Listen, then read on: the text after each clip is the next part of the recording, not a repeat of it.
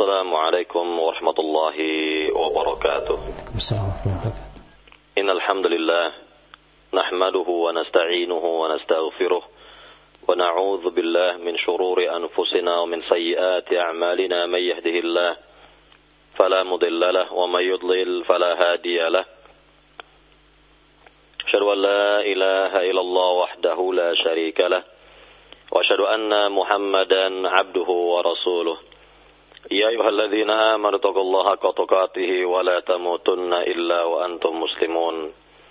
يا أيها الناس اتقوا ربكم الذي خلقكم من نفس واحدة وخلق منها زوجها وبث منهما رجالا كثيرا ونساء. واتقوا الله الذي تساءلون به والأرحام. إن الله كان عليكم رقيبا. يا أيها الذين آمنوا اتقوا الله وقولوا قولا سديدا. يصلح لكم أعمالكم ويغفر لكم ذنوبكم ومن يطع الله ورسوله فقد فاز فوزا عظيما. أما بعد فإن أصدق الحديث كتاب الله وخير الهدي هدي محمد صلى الله عليه وسلم وشر الأمور محدثاتها وكل محدثة بدعة وكل بدعة ضلالة وكل ضلالة في النار. Para pendengar di Raja yang dimuliakan Allah Subhanahu wa taala. Alhamdulillah di pagi hari ini kita bisa mendengarkan kembali materi akidah. Semulia-mulia materi karena materi akidah ini berkenaan dengan Rabbul Alamin, di antaranya hak Rabbul Alamin yaitu diibadahi dengan benar disembah dengan benar dengan sebenar-benar penyembahan kepadanya. Alhamdulillah di pagi hari ini yang akan kita sampaikan pada atau kepada para jamaah pendengar di Raja yang dimuliakan Allah Subhanahu wa taala adalah berkenaan dengan ikhlasun niyah berkenaan dengan ikhlasun niyah fil ibadah, mengikhlaskan niat dalam seluruh ibadah. Mengikhlaskan niat dalam seluruh amal-amal. Dan ini jelas merupakan suatu yang sangat mendasar dalam kehidupan seorang muslim, baik pria maupun wanita. Apabila ikhlas apabila keikhlasan dalam beramal, ikhlas niat dalam beramal ada pada diri seorang muslim, maka ini adalah modal utama diterimanya amal ibadah oleh Allah Subhanahu wa taala. Para pendengar di Raja yang dimuliakan Allah Subhanahu wa taala, berkenaan dengan ikhlasun niyah ini, ikhlas dalam niat bisa kita katakan sebagai inti ajaran para nabi, inti ajaran para rasul, di mana seluruh rasul mengingatkan dan memerintahkan kepada umat agar senantiasa mengikhlaskan amal-amal, mengikhlaskan niat dalam beribadah hanya kepada Allah Subhanahu wa taala. Mulai dari Rasul yang pertama Nuh alaihi salam sampai Rasul yang terakhir Muhammad sallallahu alaihi wasallam. Seluruhnya memerintahkan umat ini memerintahkan umat manusia untuk mengikhlaskan amal-amal, mengikhlaskan ibadah-ibadah hanya kepada Allah Subhanahu wa taala. Allah berfirman dalam surat An-Nahl ayat 36 tentang perintah para rasul kepada umat manusia. Allah berfirman dalam surat An-Nahl ayat 36, "Walaqad ba'atsna fi kulli ummatin rasulan an i'budullaha wajtanibut taghut." Dan sungguh kami telah mengutus pada setiap umat seorang rasul. Jadi Allah terkatakan di sini Allah telah mengutus pada setiap umat manusia seorang rasul. Apa tugas rasul ini? Rasul ini menyuruhkan kepada umat an i'budullaha Hendaknya kalian semua menyembah Allah Subhanahu wa taala. Hendaknya kalian semua mengikhlaskan ibadah hanya karena Allah Subhanahu wa taala. Wajtanibu taghut dan hendaknya pula kalian menjauhi ibadah kepada selain Allah yakni kepada taghut. yakni dalam hal ini hendaknya kalian menjauhi unsur-unsur kesyirikan yang dapat menodai keikhlasan beribadah kepada Allah Subhanahu wa taala. Inilah yang diemban oleh para rasul yang diperintahkan oleh rasul kepada umat manusia. Maka mereka semua hendaknya mengikhlaskan ibadah kepada Allah Subhanahu wa taala karena ia adalah modal utama diterimanya amal ibadah oleh Rabbul Alamin Azza wa Jalla. Para pendengar di Raja yang dimuliakan Allah Subhanahu wa taala, inilah inti ajarannya para nabi. Inti ajarannya para rasul agar umat manusia ini mengikhlaskan seluruh bentuk ibadah hanya karena Allah Subhanahu wa taala dan bukan karena yang lain. Lebih-lebih dalam rangka talabul ilm, belajar ilmu agama. Mempelajari ilmu agama ini hendaknya pula diluruskan niat karena Allah Subhanahu wa taala dan bukan karena yang lain. Kemudian mengenai ayat yang tadi kita dengarkan dipertegas oleh Rasulullah sallallahu alaihi wasallam dalam sebuah hadis yang sahih kata Nabi yang mulia tentang ajaran para rasul yang sama, ajaran para nabi yang sama. Kata Nabi yang mulia sallallahu alaihi wasallam, "Innal anbiya ikhwatun li'allat." Ummahatuhum syatta wa dinuhum wahid. Sungguhnya para nabi itu adalah bersaudara. Sungguhnya para nabi adalah bersaudara. Walaupun ibunda-ibunda mereka berbeda-beda, namun ajaran mereka sama. Ya, ini sama-sama mengajak umat ini untuk mengikhlaskan ibadah, mengikhlaskan niat ibadah kepada Allah Subhanahu wa taala. Nah, inilah nih maksud dari sabda Nabi yang mulia sallallahu alaihi wasallam bahwa ajaran para nabi adalah sama, yaitu sama-sama mengajak umat untuk mentauhidkan Allah, untuk mengesahkan Allah dalam seluruh ibadah, memurnikan ibadah-ibadah hanya karena Allah Subhanahu wa taala, mengikhlaskan amal-amal karena Allah Subhanahu wa taala. Para pendengar di Raja yang dimuliakan Allah Subhanahu wa taala, sekali lagi bahwa ikhlasun niyyah Mengikhlaskan niat ini adalah inti ajaran para nabi, inti ajaran para rasul. Yang mereka bawa adalah sama. Walaupun kita lihat dari sisi syariat atau ajaran-ajaran para rasul boleh saja berbeda antara satu ya dengan yang lain. Ada perbedaan-perbedaan sedikit antara satu eh, nabi atau rasul dengan rasul yang lain. Namun semuanya mengacu kepada tauhidullah mengesahkan Allah Subhanahu wa taala, mentauhidkan Allah Subhanahu wa taala. Para pendengar radio Roja yang dimuliakan Allah Subhanahu wa taala. Kalau tadi kita katakan bahwa ikhlasun niyah, mengikhlaskan niat beribadah adalah inti ajarannya para nabi, para rasul, maka lebih kita tekankan lagi di sini bahwa ikhlasun niyah itu adalah mengikhlaskan niat itu adalah inti ajaran Rasulullah, inti ajaran agama Islam. Inti ajaran Nabi Muhammad sallallahu alaihi wasallam yang dibawa oleh Rasulullah sallallahu alaihi wasallam adalah mengajak umat manusia ini untuk beribadah kepada Allah semata dan tidak berbuat syirik. Maka berkenaan dengan ikhlasun niyah, mengikhlaskan niat yang merupakan inti ajaran Nabi Muhammad sallallahu alaihi wasallam Nabi tegaskan dalam hadisnya yang sahih dalam riwayat Imam Bukhari dan Muslim yang sangat populer berkenaan dengan niat Nabi sallallahu alaihi wasallam bersabda innamal a'malu binniyat wa innama likulli imri'in ma nawa.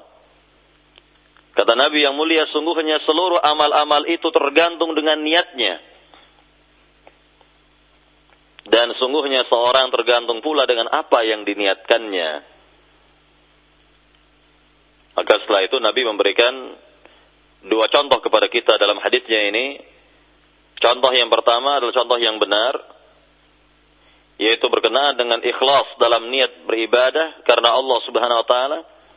Dan contoh yang kedua adalah yang menyimpang. Apa kata Nabi dalam hadis yang mulia ini? Kelanjutan dari hadis yang mulia ini Nabi katakan tentang dua contoh tersebut. Contoh yang pertama adalah kata Nabi, "Faman kanat hijratuhu ila Allah wa rasulih, fahijratuhu ila Allah wa rasulih." Maka barang siapa yang melakukan hijrahnya itu karena Allah dan Rasulnya, atau kepada Allah dan Rasulnya, maka hijrahnya itu kepada Allah dan Rasulnya. Nah inilah niat yang benar. Niat yang lurus.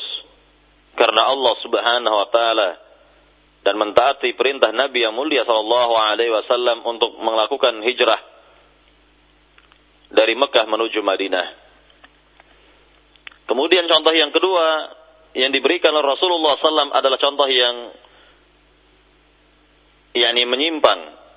Artinya niat seorang telah menyimpang tidak murni karena Allah Subhanahu wa taala ketika melakukan hijrah, maka Nabi katakan wa man kanat hijratuhu lidunya yusibuha aw imra'atin yankihuha fahijratuhu ila ma hajara ilaih.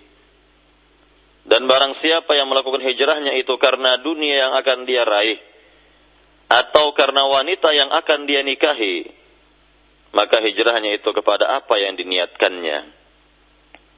Hadis riwayat Bukhari dan Muslim. Para jamaah pendengar di Raja yang dimuliakan Allah Subhanahu wa taala, inilah yang dinyatakan Rasulullah sallallahu alaihi wasallam tentang niat itu sendiri. Maka Nabi sallallahu alaihi wasallam mengatakan secara umum kepada kita dalam hadisnya tadi, "Innamal a'malu binniyat." Sungguhnya amal-amal itu semua tergantung dengan niatnya. Artinya jika seorang meniatkan dalam amal-amalnya dengan niat yang rusak, tidak murni karena Allah Subhanahu wa taala, maka rugilah ia. Jika seorang menodai keikhlasan ibadahnya dan tidak murni ibadahnya semata-mata bukan karena Allah Subhanahu wa taala, maka rugilah ia. Allah Subhanahu wa taala mempertegas hal ini dalam firman-Nya yang mulia dalam surat Az-Zumar ayat 65 tentang orang-orang yang merugi yaitu orang-orang yang telah menodai keikhlasan beribadah tidak murni karena Allah Subhanahu wa taala. Allah berfirman dalam surat Az-Zumar ayat 65 la in asyrakta la yahbatanna amaluka. Wa la in asyrakta la yahbatanna amaluka. Wa takunanna minal khasirin. Jika engkau wahai Muhammad berbuat syirik yakni tidak ikhlas karena Allah Subhanahu wa taala dalam beribadah maka gugurlah pahala dari amalmu dan engkau kelak akan menjadi orang-orang yang rugi rugi kita melakukan satu ibadah. Rugi kita melakukan satu amalan jika landasannya bukan ikhlas karena Allah Subhanahu wa taala. Jika tidak murni karena Allah Subhanahu wa taala, jika tidak murni karena Allah Subhanahu wa taala. Nah, inilah dampak buruk dari kesyirikan yang dapat menodai keikhlasan beribadah kepada Allah Subhanahu wa taala. Jadi Nabi sekali lagi mengatakan secara umum kepada kita tentang seluruh amal-amal. Innamal a'malu bin niat. Sungguhnya amal-amal itu semua tergantung dengan niatnya. Ya, ini baik amal-amal hati atau amal-amal lisan dan juga amal-amal anggota tubuh lainnya. Semua tergantung dengan niatnya. Maka dengan demikian hendaknya kita ikhlaskan niat-niat tersebut karena Allah Subhanahu wa taala. Para pendengar di Raja yang dimuliakan Allah Subhanahu wa taala, hendaknya kita ingat tentang ucapan yang kita ucapkan setiap hari. Ayat yang kita ucapkan setiap hari dalam salat kita, minimal 17 kali kita mengatakan, Iyaka na'budu wa iyaka nasta'in. Hanya kepada engkaulah kami menyembah, yakni beribadah. Dan hanya kepada engkaulah kami meminta pertolongan. Dalam ayat yang mulia ini kita berikrar, kita mengucapkan ucapan yang sangat mulia, bukan ucapan yang sia-sia. Ucapan yang sangat mulia bahwa kita hanya menyembah Allah semata, kita hanya beribadah kepada Allah semata, kita hanya meminta pertolongan hanya kepada Allah Subhanahu wa taala dan bukan kepada yang lain. Iyyaka na'budu wa iyyaka nasta'in. Hanya kepada Engkaulah kami beribadah dan hanya kepada Engkaulah kami meminta pertolongan. Inilah inti ajaran agama Islam sebenarnya. Inilah inti ajaran Rasulullah sallallahu alaihi wasallam. Maka dengan demikian kembali kita kepada pembahasan tentang ikhlasun niyah, mengikhlaskan niat. Hendaknya kita murnikan seluruh ibadah-ibadah kepada Allah Subhanahu wa taala. Kita murnikan ibadah-ibadah. Kita alamatkan seluruhnya kepada Allah Subhanahu wa taala dan bukan kepada yang lain. Para pendengar di Raja yang dimuliakan Allah Subhanahu wa taala. Kita lihat sekarang tentang niat itu sendiri atau berkenaan dengan masalah niat bahwa dengan niat dapat dibedakan antara satu ibadah dengan ibadah yang lain. Atau dengan niat itu pula dapat dibedakan antara satu ibadah dengan adah atau satu kebiasaan.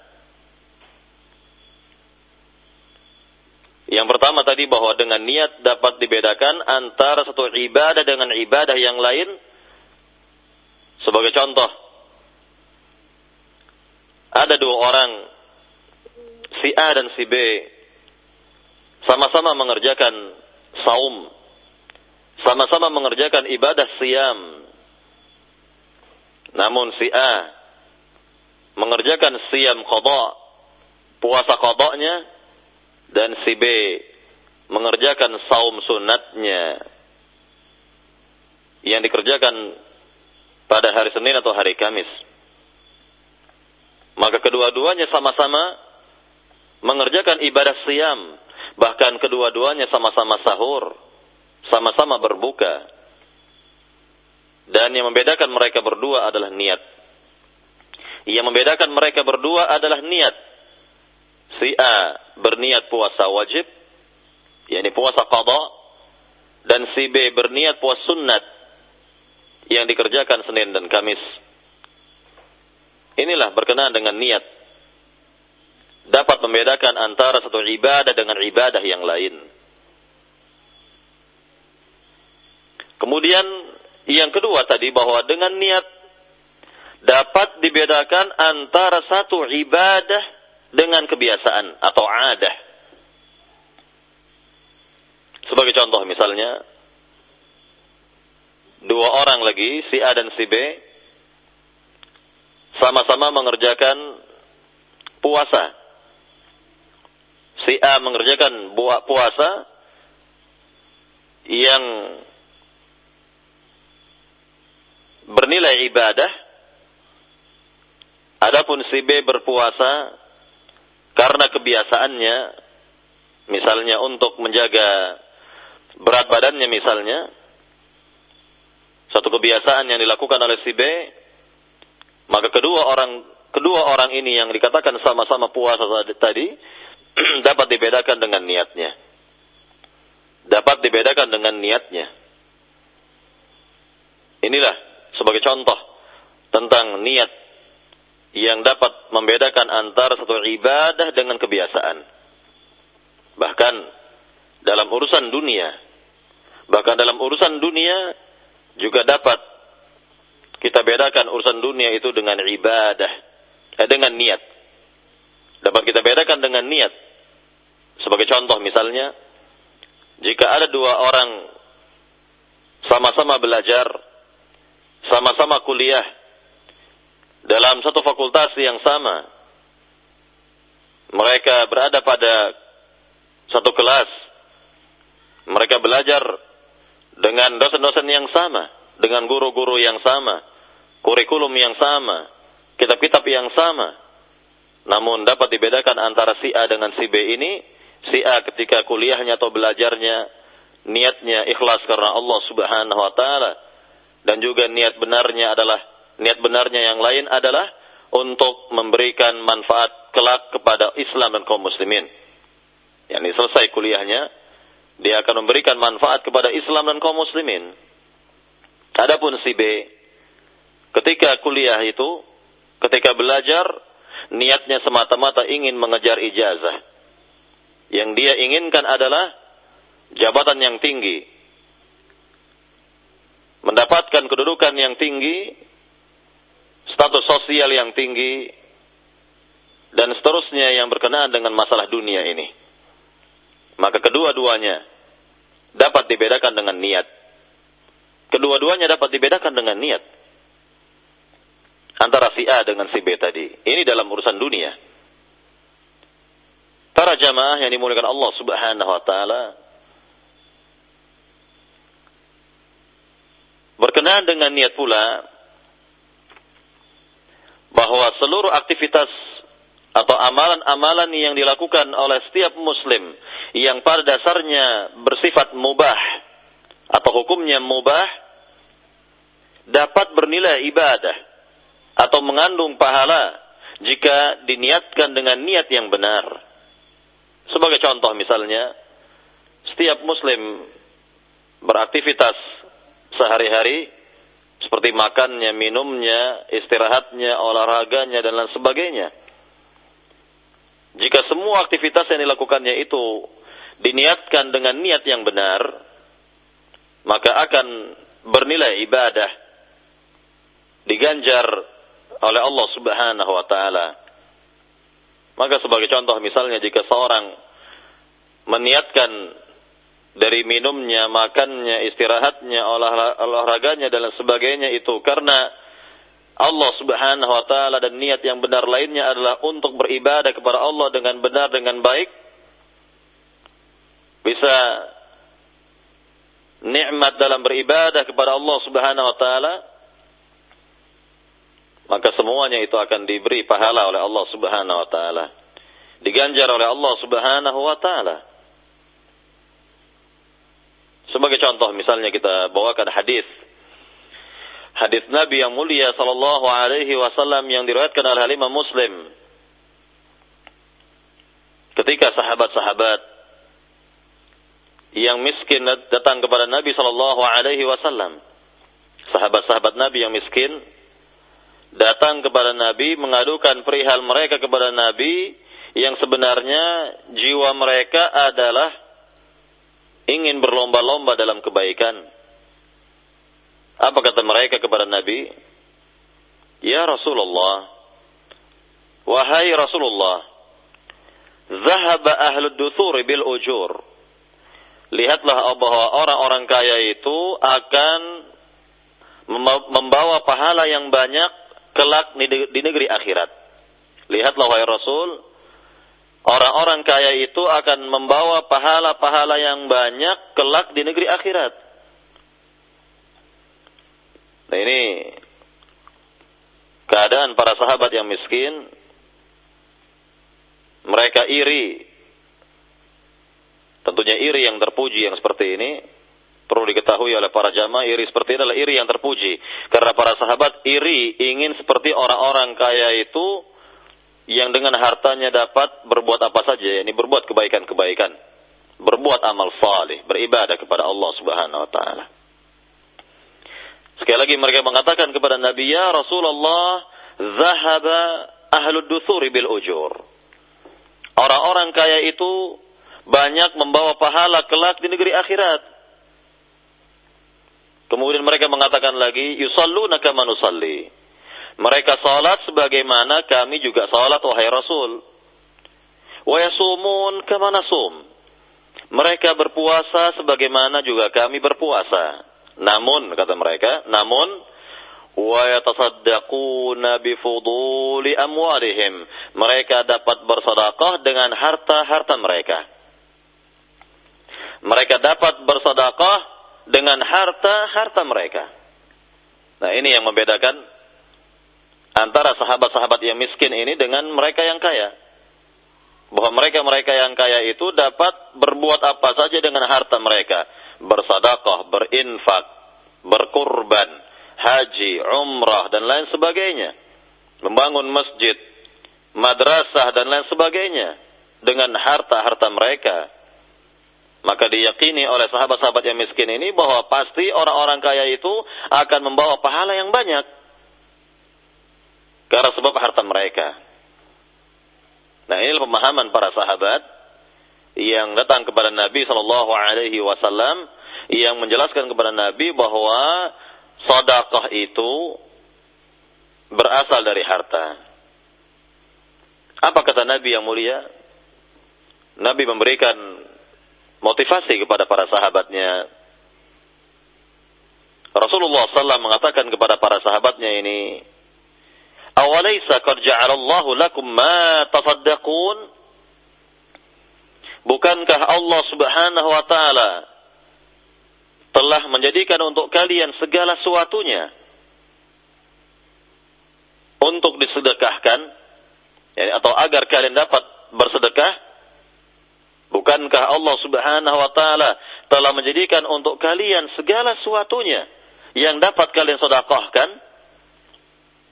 Nah, ini ada perbedaan antara sabda Nabi dengan ucapan para sahabatnya tadi. Perbedaannya adalah bahwa sahabat ketika mengatakan bahwa orang-orang kaya itu dapat bersodakoh dengan harta mereka. Maka ini adalah makna sodakoh yang sempit. Makna sodakoh yang sempit yaitu bahwa sodakoh itu hanya berasal dari harta atau sodakoh itu berasal dari harta benda. Maka Nabi Shallallahu Alaihi Wasallam menjelaskan bahwa makna sedekah itu sangatlah luas. Bukan hanya berasal dari harta, namun bisa dari apa saja, dan itu namanya sedekah. Dalam hadis yang lain, dalam riwayat yang lain, dalam riwayat Imam Muslim lainnya, Nabi Shallallahu Alaihi Wasallam menjelaskan tentang makna sedekah yang luas Kata Nabi yang mulia sallallahu alaihi wasallam, "Kullu ma'rufin sadaqah." Kata Nabi yang mulia, "Kullu ma'rufin sadaqah." Setiap yang ma'ruf adalah sadaqah namanya. Al-ma'ruf adalah suatu yang mengandung kebaikan. Suatu yang mengandung kebaikan, nah itu disebut dengan al-ma'ruf. Ya, yang baik atau suatu yang baik. Contoh tentang al-ma'ruf. Tentang satu kebaikan. Menurut Nabi sallallahu alaihi wasallam dalam hadis yang sahih pula kata Nabi yang mulia la tahqiranna minal ma'rufi syai'an walau an talqa akhaka biwajhin talqin janganlah engkau memandang remeh tentang suatu yang ma'ruf walaupun engkau berjumpa dengan saudaramu dengan wajah berseri-seri. Nabi katakan sekali lagi, janganlah engkau memandang remeh terhadap yang ma'ruf, walaupun engkau berjumpa dengan saudaramu dengan wajah berseri-seri. Ingat di sini, ketika seorang memberikan wajah berseri-seri kepada saudaranya, ini dikatakan oleh Nabi sebagai al-ma'ruf, sebagai suatu kebaikan dan ini adalah sedekah. Maka bisa kita bayangkan bahwa makna sedekah menurut Nabi yang mulia adalah makna, memiliki makna yang luas. Maka sekali lagi Nabi mengatakan tentang sedekah, kullu ma'rufin sedekah. Setiap yang ma'ruf itu adalah sedekah. Maka kembali kepada hadis Nabi yang mulia tadi, Nabi katakan kepada para sahabatnya ini, Awalaysa qad ja'alallahu lakum ma tasaddaqun? Bukankah Allah Subhanahu wa taala telah menjadikan untuk kalian segala sesuatunya yang dapat kalian sedekahkan? Kemudian Nabi memberikan contoh-contoh Nanti kita akan lihat akhir dari sabda Nabi yang menjelaskan bahwa perbuatan atau aktivitas yang mubah dapat bernilai ibadah jika niatnya itu benar. Kata Nabi yang mulia sallallahu alaihi wasallam, "Inna likulli tasbihatin sadaqah." Sungguhnya setiap kalimat tasbih yang diucapkan itu adalah sedekah. Wa kulli takbiratin sedekah dan setiap kalimat takbir yang diucapkan juga sedekah. Ini kalimat-kalimat seperti ini mudah sekali diucapkan dengan uh, lisan, mudah diucapkan oleh lisan. Kalimat subhanallah, kalimat Allahu akbar, mudah diucapkan dengan lisan dan ini bagian dari sedekah menurut Nabi yang mulia sallallahu alaihi wasallam. Kemudian selanjutnya Nabi mengatakan lagi wa kull tahmidatin sadaqah. Dan setiap kalimat tahmid yang diucapkan itu adalah sedekah juga. Wa kulli tahlilatin sadaqah. Dan setiap kalimat tahlil yang diucapkan juga sedekah. Yang di kalimat tahmid adalah kalimat alhamdulillah. Kalimat tahlil al kalimat la ilaha illallah. Ini sering kita ucapkan dan ini adalah bagian dari sedekah menurut Rasulullah sallallahu alaihi wasallam. Kemudian Nabi katakan selanjutnya lagi wa kull wa likulli am wa kullu amrin bil ma'ruf wa nahyin an munkar sedekah dan setiap amar ma'ruf nahi munkar yang ditegakkan adalah sedekah setiap amar ma'ruf yang ditegakkan adalah sedekah. Jadi siapa saja yang menegakkan amar ma'ruf nahi munkar, memerintahkan orang kepada yang baik dan mencegah orang dari yang munkar adalah bagian dari sedekah. Kemudian Nabi katakan terakhir di hadis yang mulia ini, wa fi bud'i ahadikum sadaqah. Dan di antara kalian jika mendatangi istrinya adalah sedekah. Sahabat Nabi yang terakhir ini membuat sahabat-sahabat yang miskin tadi terheran-heran. Mereka berkata kepada Nabi yang mulia sallallahu alaihi wasallam, "Ya Rasulullah, wahai Rasulullah, ayati ahaduna syahwatahu wa yakunu lahu ajrun?" Apakah jika di antara kami mendatangi istri dengan syahwat akan diganjar atau diberi pahala oleh Allah Subhanahu wa taala? Nabi katakan kepada para sahabatnya ini, "Ara'aitum law wada'ha fil harami akana 'alaihi wizrun?" Bagaimana pandangan kalian jika ada di antara kalian meletakkan maninya di tempat yang haram, yakni berzina? Apakah ia akan mendapatkan dosa?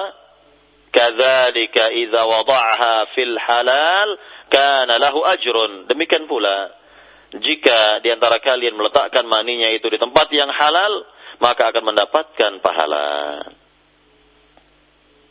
Inilah jawaban Nabi yang mulia sallallahu alaihi wasallam. Kembali kepada pembicaraan kita yang pertama tadi tentang masalah niat.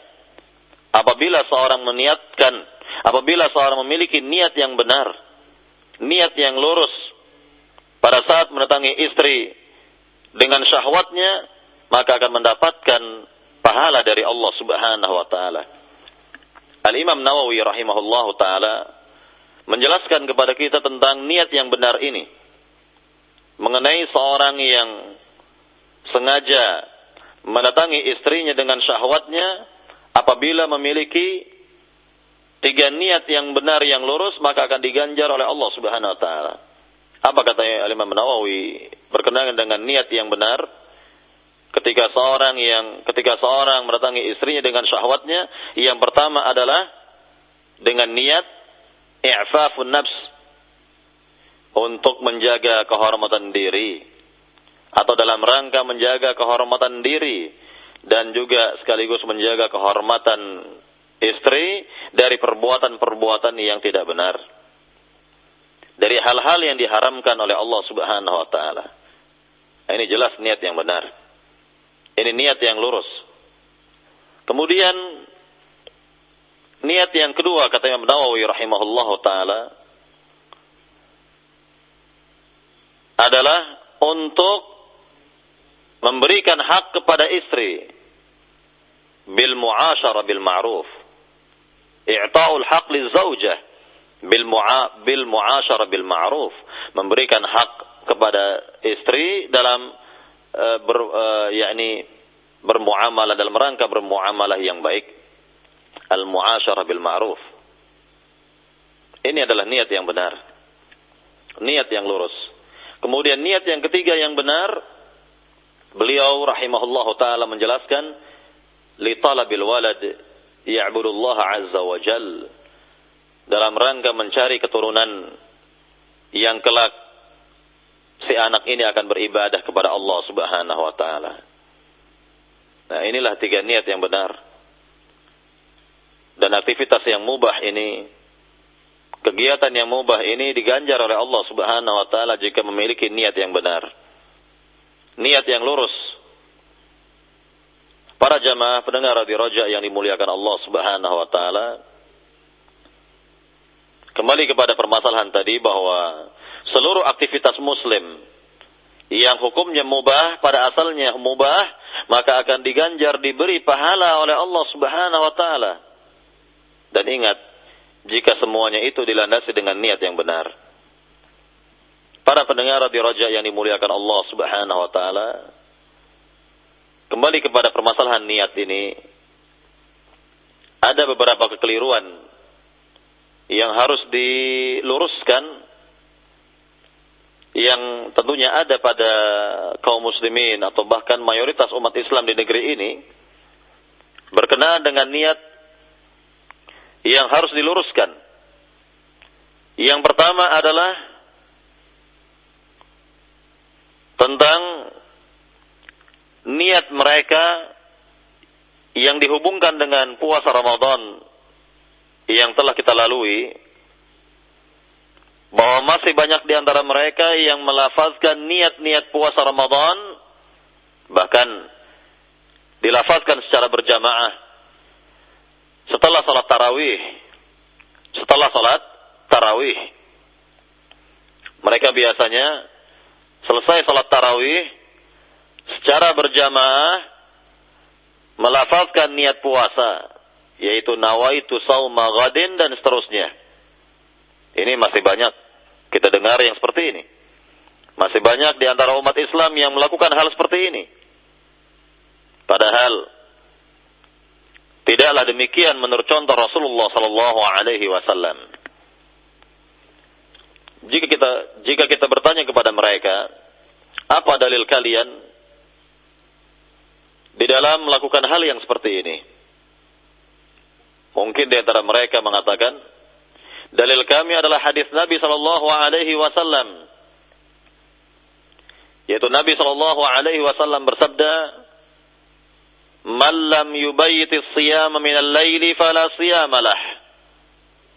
Barang siapa tidak meniatkan puasa wajib di malam harinya, maka tidak ada puasa baginya. Sekali lagi mereka mengatakan dalil kami adalah hadis Nabi Shallallahu Alaihi Wasallam yang berbunyi malam yubayyiti siyam minal laili fala siyamalah. Barang siapa tidak meniatkan puasa wajib di malam harinya, maka tidak ada puasa baginya.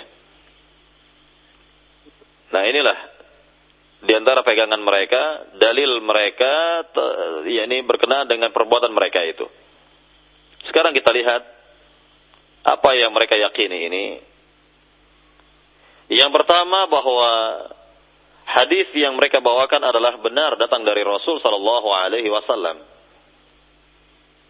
Namun yang tidak benar, yang tidak sahih adalah pemahaman mereka. Yang tidak sahih, yang tidak benar itu adalah pemahaman mereka. Walaupun hadisnya sahih, hadisnya telah sah datang dari Nabi Shallallahu Alaihi Wasallam, namun yang tidak sahih, yang tidak benar adalah pemahaman mereka. Coba kita perhatikan. Coba para para, para jamaah, para pendengar Radio Roja memperhatikan hadis yang mulia ini Nabi Shallallahu Alaihi Wasallam hanya mengatakan kepada kita, barang siapa tidak meniatkan puasa wajib di malam harinya, maka tidak ada puasa baginya. Nabi hanya mengatakan demikian, Nabi Shallallahu Alaihi Wasallam tidak pernah mengatakan kepada kita, ini perhatikan, Nabi tidak pernah mengatakan kepada kita barang siapa tidak melafazkan niat puasa wajib di malam harinya maka tidak ada puasa baginya. Jadi sekali lagi Nabi tidak pernah mengatakan barang siapa tidak melafazkan ini perlu digarisbawahi, melafazkan niat puasa wajib di malam harinya maka tidak ada puasa baginya. Maka yang seperti ini yaitu melafazkan niat puasa di malam hari, maka tidak ada contoh dari Nabi. Nabi tidak pernah melafazkan niat-niat puasa wajibnya di malam hari. Nabi Shallallahu Alaihi Wasallam tidak pernah pula mengajak para sahabatnya untuk sama-sama melafazkan niat puasa wajib di malam harinya. Nabi tidak pernah memimpin para para sahabat kaum muslimin di zamannya itu selesai salat tarawih untuk sama-sama melafazkan niat puasa Ramadan di malam itu. Tidak ada dalil, tidak ada keterangan dari Nabi bahwa Nabi mengajak para sahabatnya untuk sama-sama melafazkan melafazkan niat puasa wajib itu di malam hari atau selesai salat tarawih. Karena Nabi dan para sahabat sudah memahami, sudah mengetahui bahwa niat itu di hati. Niat itu adalah amalannya hati. Niat itu adalah pekerjaannya hati, perbuatan hati dan tidak ada sangkut paut sama sekali dengan lisan. Niat tidak ada hubungannya dengan lisan sama sekali. Niat bukanlah pekerjaan lisan, bukan perbuatan lisan, semua niat ibadah, baik salat, baik niat puasa, baik niat haji, umrah, kurban dan lain sebagainya, semua niat itu di hati dan bukan di lisan. Maka Rasulullah Shallallahu Alaihi Wasallam, kemudian para salafus salih, para sahabat, tabi'in, tabi'ut tabi'in, sampai imam-imam atau para ulama di zaman dahulu itu sepakat semua sepakat mengatakan bahwa niat itu di hati dan bukan di lisan. Inilah pemahaman yang benar. Jadi Rasulullah Shallallahu Alaihi Wasallam sekali lagi tidak pernah mengatakan kepada kita dalam hadis yang mulia itu barang siapa tidak meni, tidak melafazkan ya, tidak melafazkan niat puasa wajib di malam hari maka tidak ada puasa baginya. Jadi Nabi hanya mengatakan, "Malam yubaitis siyama minal laili fala siyamalah." Barang siapa tidak meniatkan puasa wajib di malam hari, maka tidak ada puasa baginya. Maka pemahaman yang benar pula dari hadis yang mulia ini adalah bahwa dengan sahurnya seorang dengan sahurnya seorang sebelum terbit fajar yang kedua, maka ini adalah niat otomatis sudah dikatakan sebagai niat. Dengan melakukan sahur, maka ia telah berniat untuk berpuasa. Karena sahur yang dilakukan oleh seorang muslim masih tergolong di malam hari. Jadi sekali lagi sahur yang dilakukan itu masih tergolong di malam hari. Karena yang namanya malam berasal atau malam itu ditandai awalnya dengan terbenam matahari dan berakhirnya malam itu dengan terbit fajar yang kedua. Sedangkan orang makan sahur yang sesuai dengan sunnah Nabi itu adalah sebelum terbit fajar yang kedua. Sekian menit sebelum terbit fajar yang kedua merupakan ibadah sahur yang sesuai dengan sunnah Rasul Shallallahu Alaihi Wasallam. Maka ini pemahaman yang benar. Jadi otomatis ketika seorang sahur itulah niatnya untuk berpuasa. Maka sahur yang dikerjakan itu masih tergolong di malam hari. Jadi menurut sabda Nabi yang mulia Shallallahu Alaihi Wasallam barang siapa tidak meniatkan puasa wajib di malam hari maka tidak ada puasa baginya. Artinya dengan sahurnya seorang hamba sahurnya seorang muslim otomatis sudah menunjukkan niatnya untuk beribadah, siam. Dan sekaligus dalam hal ini pengetahuan seorang muslim bahwa besok adalah besok pagi adalah waktu siam atau siam Ramadan misalnya, maka pengetahuannya di malam hari tentang hal itu bagian dari niatnya. Bagian dari niatnya. Para jamaah, para pendengar radio Roja yang dimuliakan Allah Subhanahu wa taala. Nah, ini berkenaan dengan kekeliruan yang ada pada sebagian kaum muslimin berkenaan dengan masalah niat bahwa mereka masih banyak yang melafazkan niat-niat ibadahnya dengan lisan. Maka sudah kita kita jelaskan tadi atau isyaratkan tadi bahwa seluruh ulama dunia ini sepakat mengatakan bahwa niat itu niat semua ibadah itu di hati dan bukan di lisan. Berkenaan dengan orang yang melafazkan niat dengan lisan, maka bisa kita katakan ini adalah satu perbuatan yang sia-sia yang jelas-jelas bukan berasal dari Nabi atau tidak ada contoh dari Nabi Shallallahu Alaihi Wasallam. Jadi jika seorang melafazkan niat salat, melafazkan niat puasanya, melafazkan niat-niat yang lainnya dengan lisan, maka ini adalah kesia-siaan, perbuatan yang sia-sia. Bagaimana maksudnya? Contoh, kalau dikatakan bahwa perbuatan ini adalah sia-sia, Allah Subhanahu wa taala berfirman dalam surat Al-Hujurat ayat 16. Dalam surat Al-Hujurat ayat 16 Allah berfirman, "Qul atu'allimuna Allah bidinikum wallahu ya'lamu ma fis samawati wa ma fil ar wallahu bikulli syai'in alim." Katakanlah wahai Muhammad, Apakah kalian ingin menginformasikan kepada Allah atas ibadah atau kegiatan agama yang kalian lakukan? Sedangkan Allah Subhanahu wa taala Maha mengetahui apa yang ada di langit dan apa yang ada di bumi dan Allah Maha mengetahui atas segala sesuatu. Dalam ayat yang mulia ini sebenarnya Allah menolak tentang perbuatan tadi. Allah Subhanahu wa taala menolak perbuatan sebagian kaum muslimin yaitu mereka melafazkan niat-niat tersebut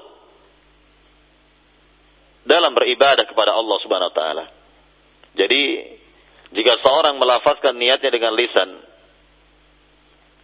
apakah tujuannya ingin menginformasikan kepada Rabbul Alamin?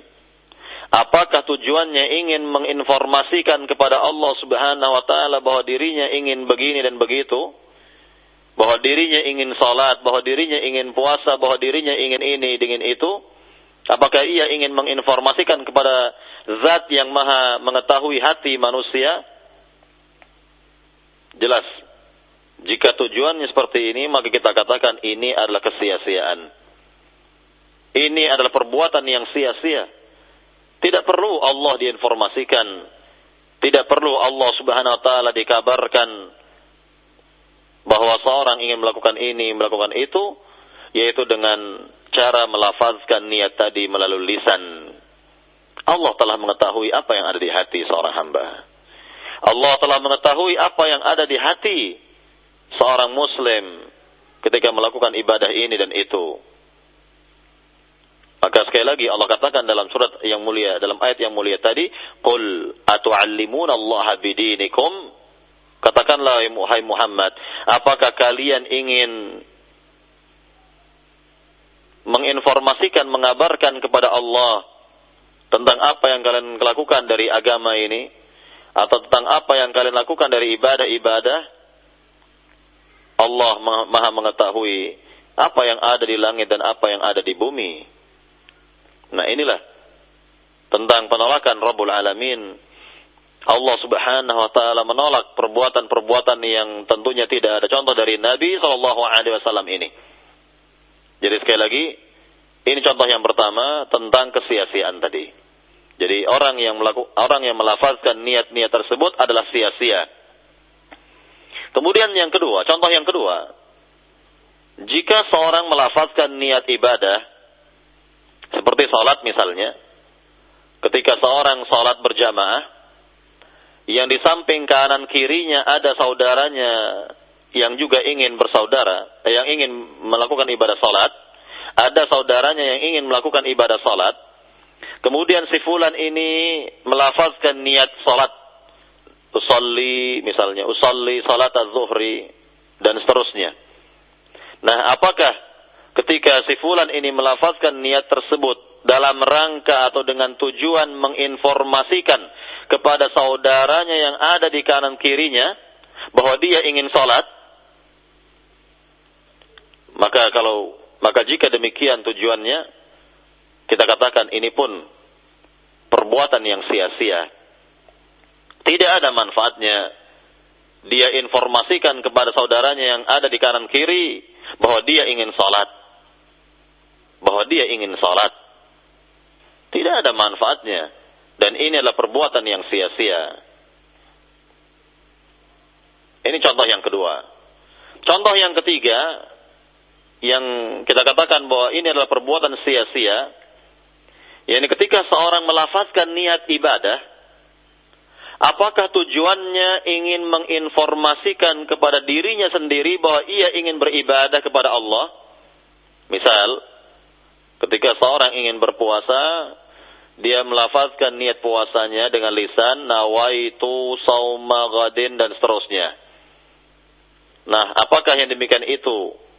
Dia ingin menginformasikan kepada dirinya sendiri bahwa dia ingin berpuasa Jelas ini adalah perbuatan yang sia-sia. Tidak ada manfaatnya seorang mengabarkan kepada dirinya sendiri bahwa dia ingin ini, ingin itu, dan lain sebagainya. Para pendengar di Raja yang dimuliakan Allah Subhanahu wa taala, inilah tentang perbuatan sebagian saudara-saudara kita dari kaum muslimin bahwa mereka sampai detik ini masih melafazkan niat-niat ibadah dengan lisan mereka. Padahal niat itu berada di hati, bertempat di hati dan bukan di lisan. Tidak diucapkan dengan lisan. Ya, sekali lagi tidak diucapkan dengan dengan lisan. Dan tentunya masih banyak lagi penyimpangan-penyimpangan kekeliruan-kekeliruan yang bisa kita lihat pada sebagian kaum muslimin yang berhubungan erat dengan niat maka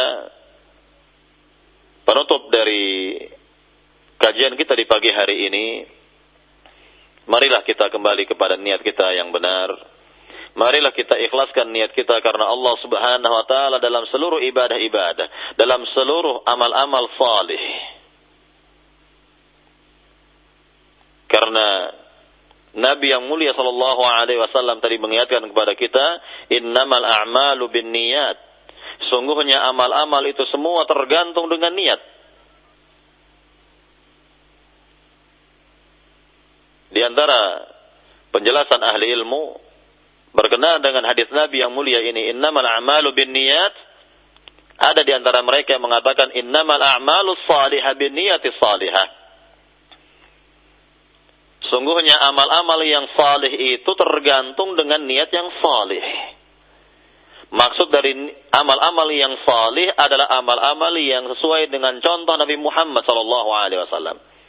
Amal-amal yang sesuai dengan contoh Rasulullah sallallahu alaihi wasallam dan niat yang salih adalah niat yang ikhlas karena Allah Subhanahu wa taala.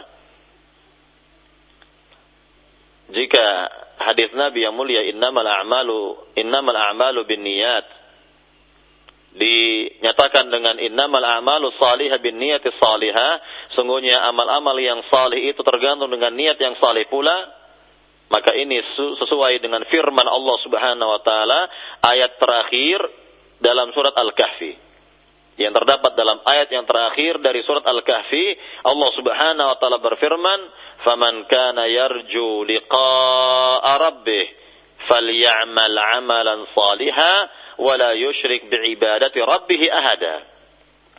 Maka barang siapa ingin berjumpa dengan Rabbnya kelak, hendaknya ia beramal salih dan tidak berbuat syirik kepada Rabbnya dengan apa pun juga. Dikatakan di sini dua syarat yang Allah nyatakan pada setiap hamba yang ingin berjumpa dengan Allah kelak di negeri akhirat. Syarat yang pertama adalah amal salih dan yang kedua adalah ikhlas karena Allah Subhanahu wa taala. Jadi amal salih yang dimaksud adalah amal yang sesuai dengan contoh Nabi Muhammad, amal yang sesuai dengan sunnah Nabi Sallallahu Alaihi Wasallam. Dan tentunya disertakan dengan niat yang benar, niat yang ikhlas karena Allah Subhanahu Wa Taala. Jadi siapa saja yang ingin berjumpa dengan Allah Subhanahu Wa Taala, berjumpa dengan Rabbul Alamin, hendaknya dia beramal salih yang sesuai dengan contoh Nabi Muhammad dan amal salih tersebut hendaknya dilandasi dengan niat yang ikhlas, niat yang salih karena Allah Subhanahu wa taala, ikhlas karena Allah Subhanahu wa taala. Para pendengar radio Raja yang dimuliakan Allah Subhanahu wa taala, inilah yang perlu diingatkan kembali untuk diri saya pribadi dan untuk para jamaah pendengar radio Raja seluruhnya agar kita dapat mengikhlaskan ibadah-ibadah karena Allah Subhanahu wa taala, mengikhlaskan amal-amal semua karena Allah Subhanahu wa taala. Karena ikhlas ini merupakan inti ajaran agama kita. Inti ajaran Rasulullah sallallahu alaihi wasallam, bahkan inti ajaran seluruh para nabi. Inti ajaran seluruh para rasul alaihi wassalatu wassalam. Baiklah para pendengar radio Rojak yang dimuliakan Allah Subhanahu wa taala, saya kira inilah yang perlu diingatkan pada pagi hari ini berkenaan dengan ikhlasun niyah fil ibadah, mengikhlaskan niat dalam beribadah kepada Allah Subhanahu wa taala dan saya kembalikan kepada pembawa acara di studio. Silakan. Syukuran jazakallahu khairu barakallahu fiik ustaz. Dan demikian ikhwatul iman rahimakumullah. Pendengar di Roja di mana pun anda berada pemaparan yang disampaikan oleh Al-Ustaz Arman Amri Alsi Hafizullah Ta'ala dari pembahasan Al-Aqidatu Awalan Laukanu Ya'lamun. Mudah-mudahan apa yang kita simak bersama bermanfaat bagi kita semua. Dan selanjutnya akan kami buka sesi tanya jawab sebelum kita mengangkat pertanyaan di line telepon, ada beberapa pertanyaan yang akan kita ajukan di pesan singkat. Salah satunya ada pertanyaan Ustadz yang senada di antaranya dari penanya kita yaitu Niko di Wonogiri dan uh, Siswanto di Tangerang. Assalamualaikum warahmatullahi wabarakatuh. Barakallahu Ustaz, apakah ikhlas karena Allah berarti kita tidak mengharapkan pahala sama sekali di sisi Allah Subhanahu wa taala? Silakan Ustaz. Berkenaan dengan ikhlas, ikhlas niat fil ibadah. Ikhlas dalam niat beribadah kepada Allah Subhanahu wa taala jelas semata-mata karena Allah Subhanahu wa taala dan juga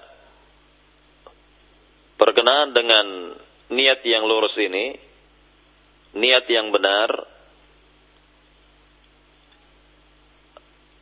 berkenaan dengan niat yang benar ini atau niat yang lurus ini, jika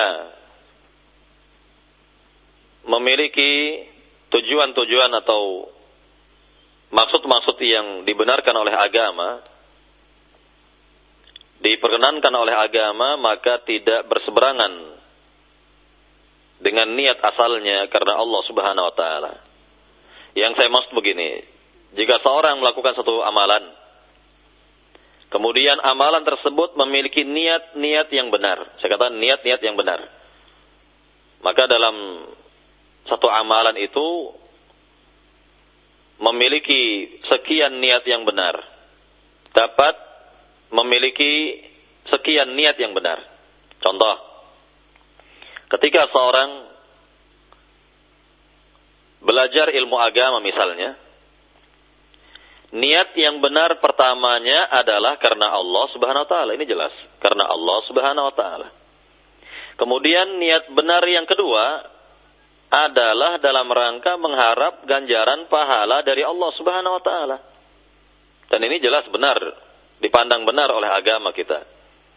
Kemudian niat yang benar yang ketiga dalam rangka belajar ini adalah untuk menghilangkan kebodohan yang ada pada diri dan yang ada pada orang lain. Nah, ini dibenarkan. Niat-niat seperti ini dibenarkan menurut pandangan agama. Menurut kacamata agama dibenarkan. Jadi tidak menyimpang sama sekali.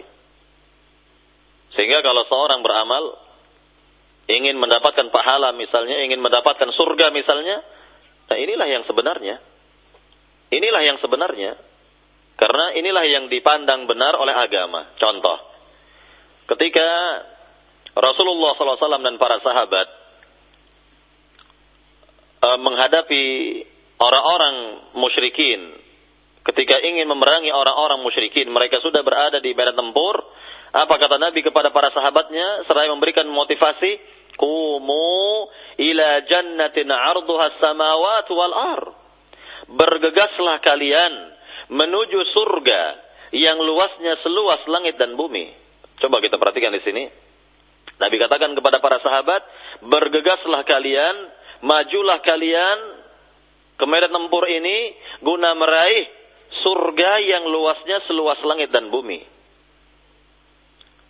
Apa yang diiming-iming oleh Nabi di sini? Apa yang dinyatakan oleh Rasul di sini? Yaitu surga. Surga. Nabi Sallallahu Alaihi Wasallam memberikan janji kepada para sahabat tentang surga bagi siapa saja yang menginginkan surga yang luasnya seluas langit dan bumi. Maka di antara sahabat ada yang berkata ketika itu kepada Nabi, "Bakhin, bakhin." Mungkin dengan bahasa kitanya, "Wah, wah, luar biasa." Maka Nabi SAW mengatakan atau berkata kepada sahabatnya ini, "Ma hamalaka ala qaulika bakhin, bakhin." Apa yang membuatmu berkata bakin bakin ini wah wah luar biasa. Ya, ini sahabat ini mengatakan wahai Rasul, aku tidaklah menginginkan, aku tidaklah berkata demikian kecuali aku ingin menjadi penghuni surga itu. Maka Nabi katakan kepada sahabatnya, engkau termasuk dari penghuninya. Engkau termasuk dari penghuninya. Maka sahabat ini maju ke medan tempur, berjuang karena Allah Subhanahu wa taala dan juga dalam rangka mengharapkan surga yang luasnya seluas langit dan bumi. Maka ditakdirkan sahabat ini mati syahid dengan izin Allah Subhanahu wa taala. Lihat. Inilah niat yang benar. Ini adalah niat yang lurus yang keseluruhannya ini dipandang benar oleh agama. Jadi yang memandang benar ini bukan kita, ya tetapi agama.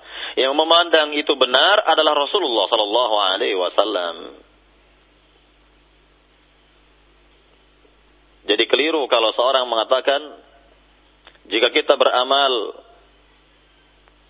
menginginkan surga, kita beramal bertujuan atau berniat ya, ingin surga, ingin pahala, maka ini berlawanan atau bertentangan dengan ikhlas. Ini pernyataan yang tidak benar. Ini pernyataan yang keliru.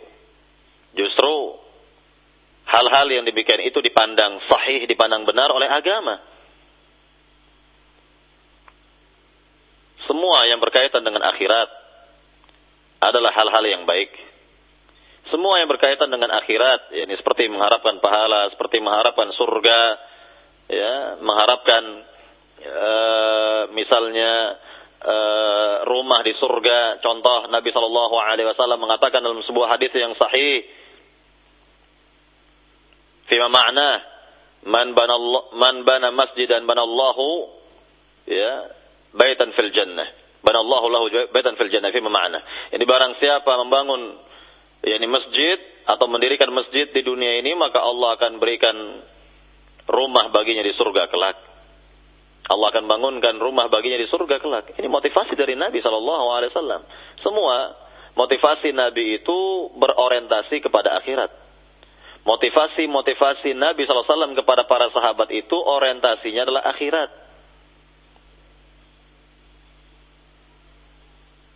Dan ini banyak sekali hadis-hadis yang menjelaskan hal ini semua. Jadi hendaknya kita dapat mengikhlaskan ibadah karena Allah Subhanahu wa taala dan menginginkan apa yang ada di sisi Allah Subhanahu wa taala. Yang kita inginkan adalah apa yang ada di sisi Allah Subhanahu wa taala, yakni kebaikan-kebaikan berupa surga dan sebagainya. Dan ini adalah benar. Dan tidak menyimpang dari niat yang pertama tadi, ikhlas karena Allah Subhanahu wa taala. Wallahu taala alam. Terima kasih Ustaz atas jawabannya dan selanjutnya kita beralih di line telepon di 0218236543 dan sudah ada Abu Syarif yang berada di Tanjung Priok. Silakan Abu Syarif.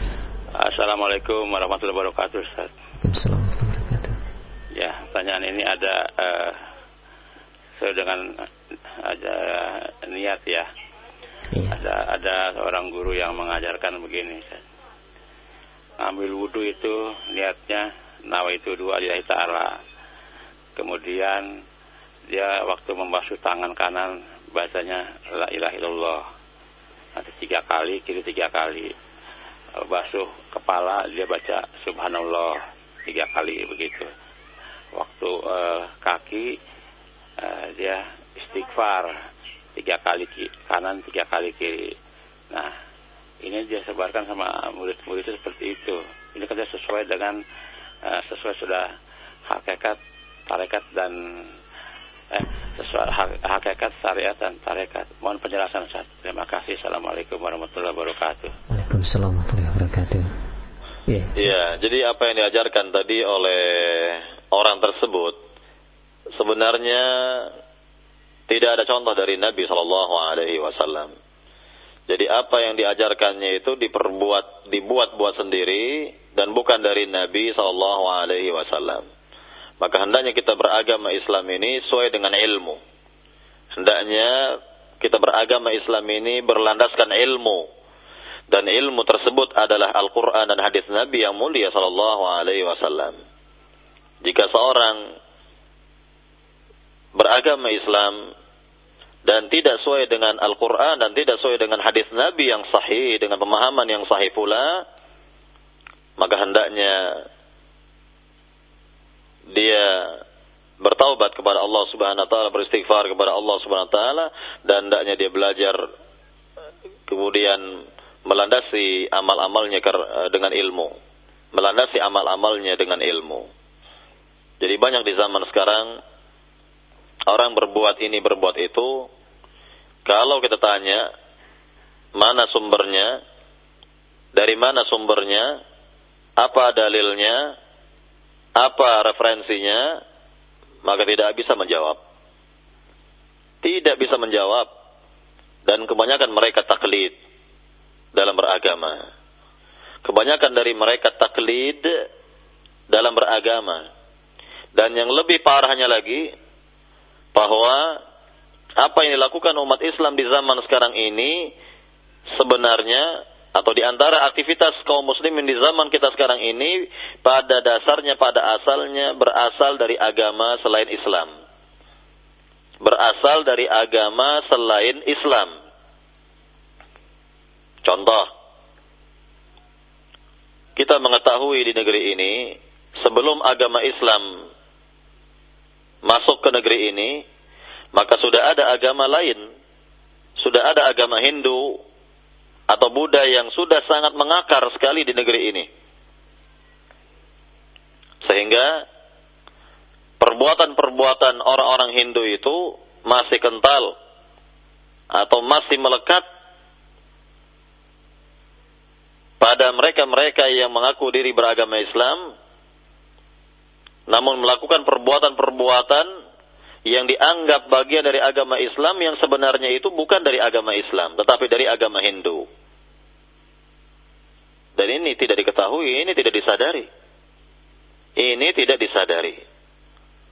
Misal, contoh dari aktivitas-aktivitas tersebut adalah mulai dari misalnya seorang wanita itu hamil, kemudian melahirkan, membesarkan anak dan sampai anak itu menikah bahkan sampai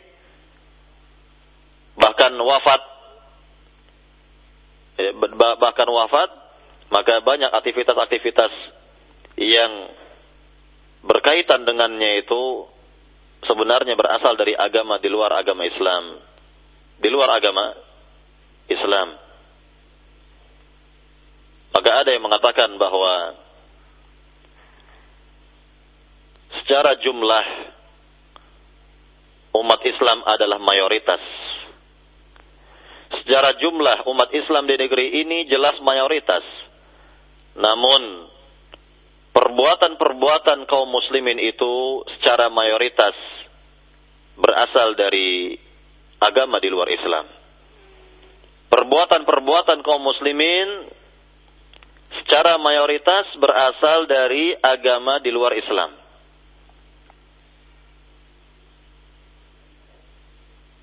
Nah inilah fenomenanya yang kita lihat di negeri ini.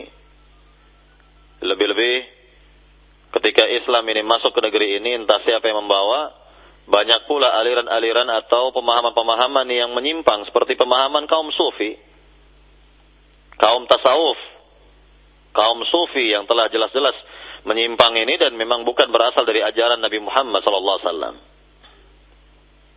ajaran sufi berbeda dengan ajaran Rasulullah sallallahu alaihi wasallam maka tadi kalau dikatakan bahwa agama itu bertingkat-tingkat, ada syariat sampai kepada hakikat. Ini bagian dari ajaran kaum sufi. Islam tidak mengenal kasta-kasta dalam beragama. Islam tidak mengenal kasta-kasta. Kalau dalam agama Hindu jelas dikenal kasta-kasta. Maka ajaran sufi, ajaran tasawuf, adalah ajaran kombinasi. Ajaran yang di dalamnya terdapat ajaran Hindu, yang di dalamnya terdapat ajaran Nasrani, yang di dalamnya terdapat ajaran-ajaran yang lain. Maka jadilah dia ajaran sufi, ajaran tasawuf yang pada dasarnya bukan dari Rasulullah sallallahu alaihi wasallam. Maka hendaknya kita menyadari bahwa beragama ini dengan ilmu.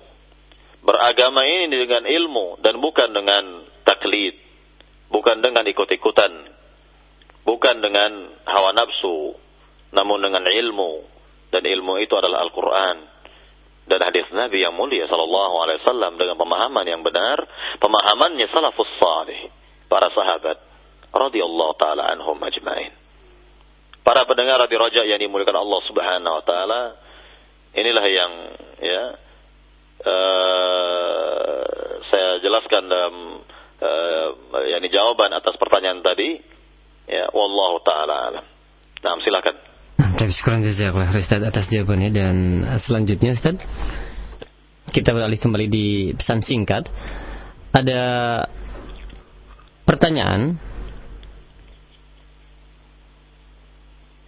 dari Sarmin yang berada di Ciracas, Ustadz, apakah ada dalilnya sesuatu yang mubah akan menjadi pahala bila diniatkan karena Allah? Apakah hal ini tidak akan menjadi dalil bagi uh, mereka yang ingin melaksanakan atau menguatkan kebidahannya?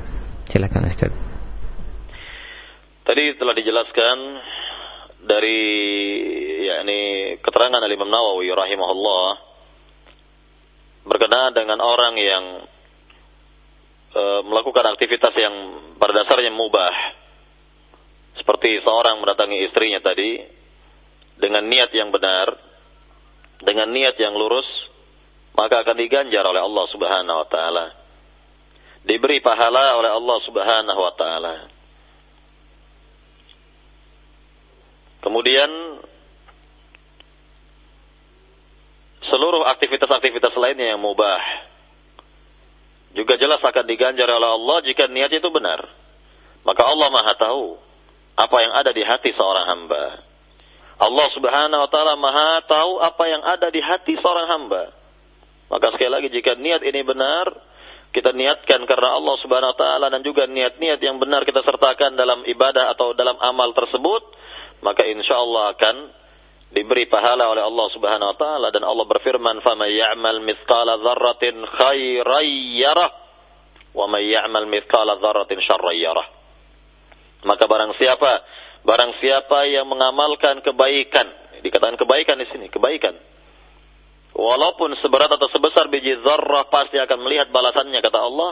Dan barang siapa melakukan keburukan ya Walaupun seberat atau sebesar biji zarrah pasti akan melihat pula balasannya. Nah, berdasarkan dalil yang umum ini, berdasarkan dalil yang umum ini, ya, maka perbuatan-perbuatan kita yang baik, aktivitas kita yang baik yang kita kerjakan sehari-hari dan dengan dilandasi niat yang benar maka akan mendapatkan balasan ganjaran dari Allah Subhanahu wa taala. Dan ini harus kita yakini. Ini harus kita yakini.